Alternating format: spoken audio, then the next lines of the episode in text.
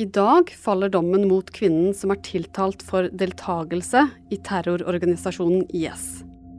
Men hun er langt fra den eneste som valgte å reise ned til Syria og til Irak. For over 100 nordmenn dro også ned, og de aller fleste slutta seg til IS. Og sammen skapte de et slags norsk samfunn midt i et av verdens mest krigsherja områder. Du hører på Forklart fra Aftenposten. Jeg heter Ina Swann, og i dag er det tirsdag 4. mai.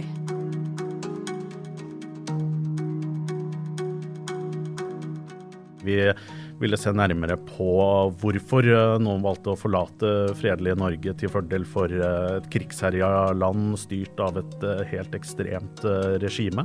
Harald Stolt-Nielsen er journalist i Aftenposten. Og den siste tida så har han sammen med Olga Stokke og Afshin Ismaili kartlagt reisen og historien til de norske syriafarerne. Og spesielt da hvem de er, og hva som har skjedd med dem i årene som har kommet.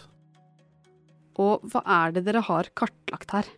Vi har kartlagt 72 eh, nordmenn som vi mener eh, på et eller annet tidspunkt eh, reiste ned til Syria og Irak, og mest sannsynlig da ble del av den islamske staten.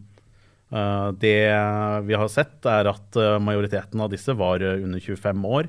Vi ser at i vårt materiale så er det 16 kvinner. Og vi har kartlagt da for å finne ut hva som skjedde med dem, og for å prøve å finne ut hvorfor de valgte å dra ned.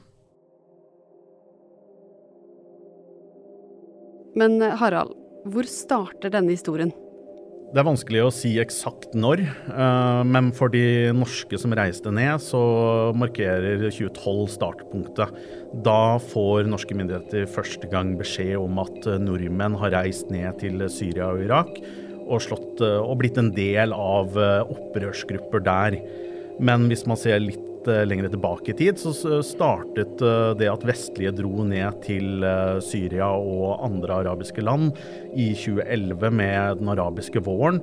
Det er ti år siden folk i en rekke arabiske land gikk ut i gatene og krevde endringer og en ny fremtid. Opprøret som begynte ved at en grønnsakshandler i Tunisia helte bensin over seg selv og tente på, spredte seg til en rekke andre land og fikk navnet Den arabiske våren mange islamistgrupper rundt omkring i Europa oppfordret uh, tilhengerne om å reise ned og bistå i kampen mot de autoritære regimene der. Og Syria ble på mange måter et mekka for uh, de europeiske fremmedkrigerne. Da. Og veldig mange nordmenn uh, dro til Syria. Og hvorfor ville nordmenn dra til Syria? Det er veldig vanskelig å forstå hvorfor noen velger å forlate fredelige Norge til fordel for et eh, land som er i eh, fullstendig kaos, hvor eh, det slippes bomber og folk skytes på gatene, og det er en frontlinjekrig som beveger seg fra dag til dag. Men det var nok eh, mange som følte en viss eh, sympati med syrerne, og mange som ønsket å hjelpe. Samtidig så hadde man denne islamistbevegelsen som oppfordret folk eh, til å reise.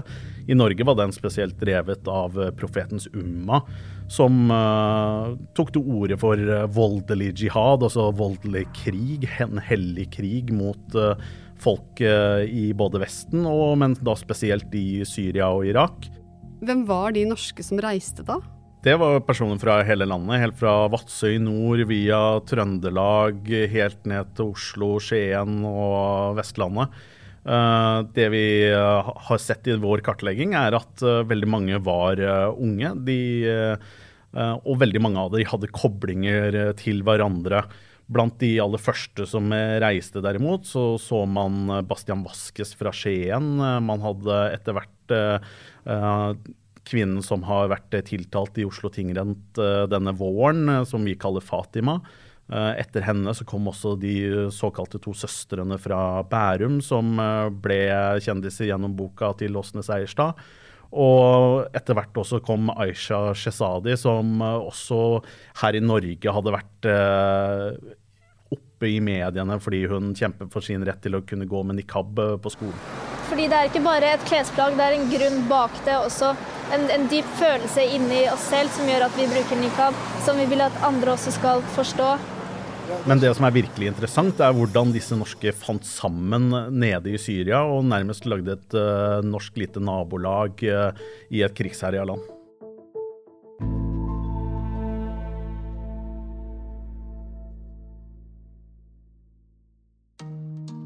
Én etter én krysset til sammen over 100 nordmenn grensa til Syria og til Irak. Og der fikk de sitt første møte med IS-kalifatet. Eh, vi fikk eh, tilgang til en del IS-dokumenter som viser at da de krysset grensen, så blir det registrert hos IS, alle de fremskrigerne. Afshin Ismaili er journalist i Aftenposten og har vært i Syria flere ganger i forbindelse med jobb. Og da står det 'vil du bli kriger', eller 'vil du bli selvmordsbomber'. Selv om de fleste norske har kriset på, eh, på jihadist- eller fremskrigervalget, eh, så de gikk gjennom en sharia-kurs og etter hvert en militærkurs eh, for å lære seg om våpen og hvordan skal de bruke våpen. De aller fleste nordmennene de bosatte seg i Raqqa, som IS hadde erklært som hovedstad. Eller de bosatte seg i Shadadi, en nokså velstående by nordøst i Syria med rundt 15 000 innbyggere. Der flytta de inn i de terrakottafargede murhusene som syrerne hadde flyktet fra. De danna familier, drakk te hos hverandre og handla hos den lokale kjøpmannen. Jeg var selv besøkt de leilighetene de norske syriafarene bodde i Syria, eh, i oljerikbyen Shadadi. En del av norske syriafarene bodde på villaer. En del andre bodde på blokkleiligheter.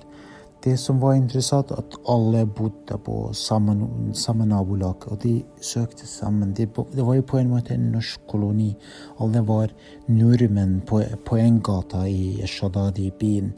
Eh, det som var interessant, at eh, de, til det de området så hadde de eh, flere fasiliteter. Eh, de hadde parker, de hadde, det var parker for barn. Eh, det var sånn luksusområde for, eh, for fremskrigere. Eh, leilighetene de hadde, de hadde flere soverom, de hadde kjøkken, bad og andre ting i de leilighetene. Det, og de, de norske syrierne jobbet jo ikke langt unna der de bodde. F.eks. Bastian jobbet eh, på en bombefabrikk som var eh, mindre enn en kilometer unna fra der han bodde. Og etter hvert som flere nordmenn drar ned, så oppstår det et slags lille Norge i byene. Veldig mange av dem søkte sammen. Eh, vi ser f.eks. at eh, Fatima og den eldste av de to søstrene fra Bærum bodde vegg i vegg. Og det samme gjelder for mange av de andre nordmennene. Blant annet så bor Kim André Ryding, en konvertitt fra Moss, og hans norske kone på et tidspunkt i gangavstand fra Fatima og Bastian Vasques. De to søstrene fra Bærum skal også ha bodd sammen med Fatima og Bastian da de først kom til Syria. I tillegg så sendte nordmennene meldinger til hverandre gjennom appen Telegram. Der snakka de om alt og ingenting, ofte dagliglivet. Men det var ikke bare fryd og gammen. F.eks. så skriver Fatima, den IS-tiltalte kvinnen, at hun vil tilbake til Norge. Men da oppfordrer den yngste søsteren fra Bærum henne til å bli værende. For mange andre søstre ville nemlig dødd for å ta Fatimas plass i kalifatet.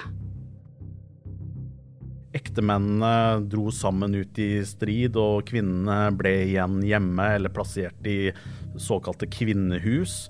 Vi ser at uh, enkelte av mennene fikk sentrale roller i propagandamaskineriet til IS, bl.a. av Bastian Vasques, som fikk en uh, sentral uh, rolle i en veldig omtalt, veldig mye omtalt video fra IS ved grensen mellom Syria og Irak.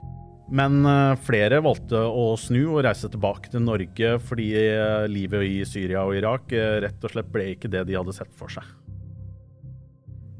Og hva som skjedde med de som vendte tilbake til Norge, det kommer vi tilbake til. Men mange valgte også å bli. Og for familiene til disse nordmennene så tikket det fra tid til annen inn meldinger om livet i Syria. i en melding Aftenposten har fått tak i, beskriver en norsk konvertitt fra Trøndelag livet i Syria slik. Brødrene her er helt knall. Smiler og gir klem osv. Alle i hop. Men han skriver også at det er så vilt som det går an å få det. En natt så kom Apache-helikoptrene etter oss. Jeg gjemte meg under et pledd så de ikke skulle se varmen av kroppen. For livet i den såkalte islamske staten, det var kanskje ikke det paradiset mange av syriafarerne hadde sett for seg. Luftangrepene mot terrorgruppa IS i Syria og Irak er trappet kraftig opp de siste dagene. Og Samtidig kommer det meldinger om at IS har henrettet flere europeiske desertører som ønsket å forlate Syria. En av dem skal være en mann som snakket norsk. Da nordmennene først kom til Syria, så var IS en terrorgruppe med økende selvtillit og makt. Men så snudde det. På sitt største så kontrollerer jo IS et landområde på størrelse med Storbritannia. Men fra årsskiftet 2014-2015 begynner det å gå nedover for IS. Kurderne får støtte fra USA, og Russland er inne med full styrke for å støtte Assad-regimet.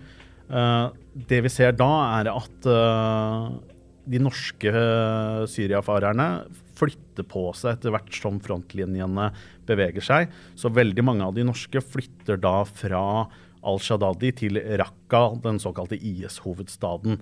Det at kurderne får eh, militær støtte fra USA, markerer på veldig mange måter starten på IS sitt fall. Og vi ser at eh, andelen, eller antallet nordmenn som reiser ned for å tilslutte seg det her såkalte kalifatet, uh, går drastisk ned i årene etter uh, 2014 enn før.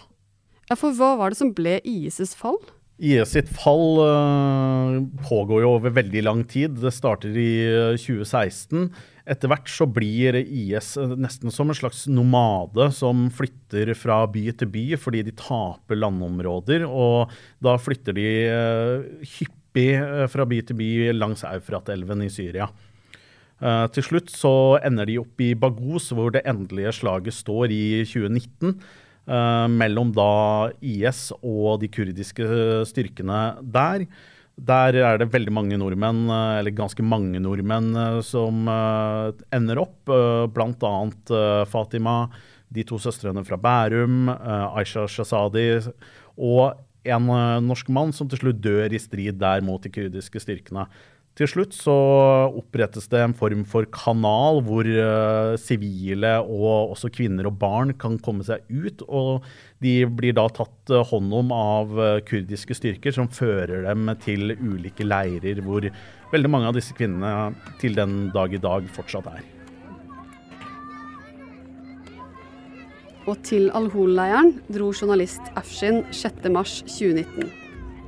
Der møtte han bl.a. kvinnen som nå er tiltalt for deltakelse i IS. Altså Hvis folk her fra IS hadde fått vite at jeg vil ut, og de da vet at ok, den personen virkelig vil ut, de kutter av huet ditt. rett og slett. Så du må være veldig forsiktig med hvem du snakker med. Og av den grunn blir det veldig vanskelig for deg å prøve å komme deg ut fordi du er aleine. Men hva skjedde med de norske mennene som dro ned og slutta seg til IS, da? Av de mennene som ikke dro, ikke dro, tilbake til Norge, så antar vi at uh, de fleste er døde. Vi vet om en som sitter i fangenskap i Irak, men eh, de resterende er, trolig døde. Uh, veldig mange døde nok i strid i en eller annen form. Vi vet jo om noens dødsfall, men Uh, og i detalj hvordan det foregikk. F.eks. For Bastian Vaskes som døde i forbindelse med bombelaging. Og man vet om uh, denne mannen som døde i strid for IS i Bagos. men detaljene rundt veldig mange, veldig mange av mennenes skjebner er veldig, veldig usikre. Og for mange familier så vil de nok kanskje aldri heller få noe endelig svar hva som skjedde med deres sønn eller datter som reiste ned til Syria. Og så var det jo også de som dro hjem før IS-kalifatet falt. Hva skjedde med de? De som eh, reiste tilbake til Norge, de møtte litt ulike skjebner. Eh, vi vet at rundt 40 personer av de litt over 100 som reiste, returnerte fra Syria. Noen dro til andre land, altså Storbritannia, Sverige, Marokko. Mens av de som dro til Norge, så er i materialet vårt i hvert fall åtte av dem dømt for deltakelse i IS, eller det å ha reist ned dit. For enkelte så var de dro, Enkelte av de som dro, dro såpass tidlig at det ikke var ulovlig. For på et tidspunkt så valgte jo norske myndigheter å endre lovverket, slik at bare det å reise ned dit, eh, til Syria og Irak, ble ulovlig. Så, sånn som Moheldin Mohammed, uh, som reiste ned i 2012 og kom ganske tidlig tilbake før denne lovendringen, han unngikk da å bli straffeforfulgt. Men vi ser jo at de som er blitt dømt, har fått ganske lange fengselsstraffer. Men for enkelte av de nå så begynner det å bli komme til et sånt tidspunkt at de er ferdig med å sone disse straffene. Så flere av de som ble dømt, eh, kommer nok tilbake ut i samfunnet nå i løpet av de neste årene. Og nå i dag så kommer dommen. Hva har den å si for de andre norske kvinnene som ennå ikke har kommet hjem? De kvinnene som er igjen i leirene i Syria følger nok denne saken med stor interesse, fordi denne dommen vil jo på veldig mange måter uh, fortelle dem uh, hva de kan vente seg. Forskjellen er jo at de, de, som dro ned etter Fatima, veldig mange av de dro da på et tidspunkt hvor bare det å reise ned var ulovlig, så de risikerer straff sånn sett. Spørsmålet er jo om det å være hjemme og lage mat og det å passe barn og vaske huset også er en måte å delta i en terrororganisasjon på. Men Harald, hvorfor er det så viktig å kartlegge disse norske syriafarerne?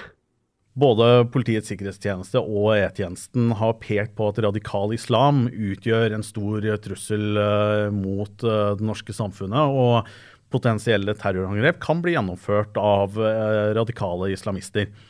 Derfor er det viktig å se på de som reiste til Syria og Irak, for de blir trukket frem som en potensiell risiko returnerte fremmedkrigere er en gruppe som både Politiets sikkerhetstjeneste og tjenesten, E-tjenesten har et stort fokus på. Derfor har det vært viktig for oss i Aftenposten å se nærmere på når de dro, hvem de var, og ikke minst hvorfor de dro ned til Syria og Irak.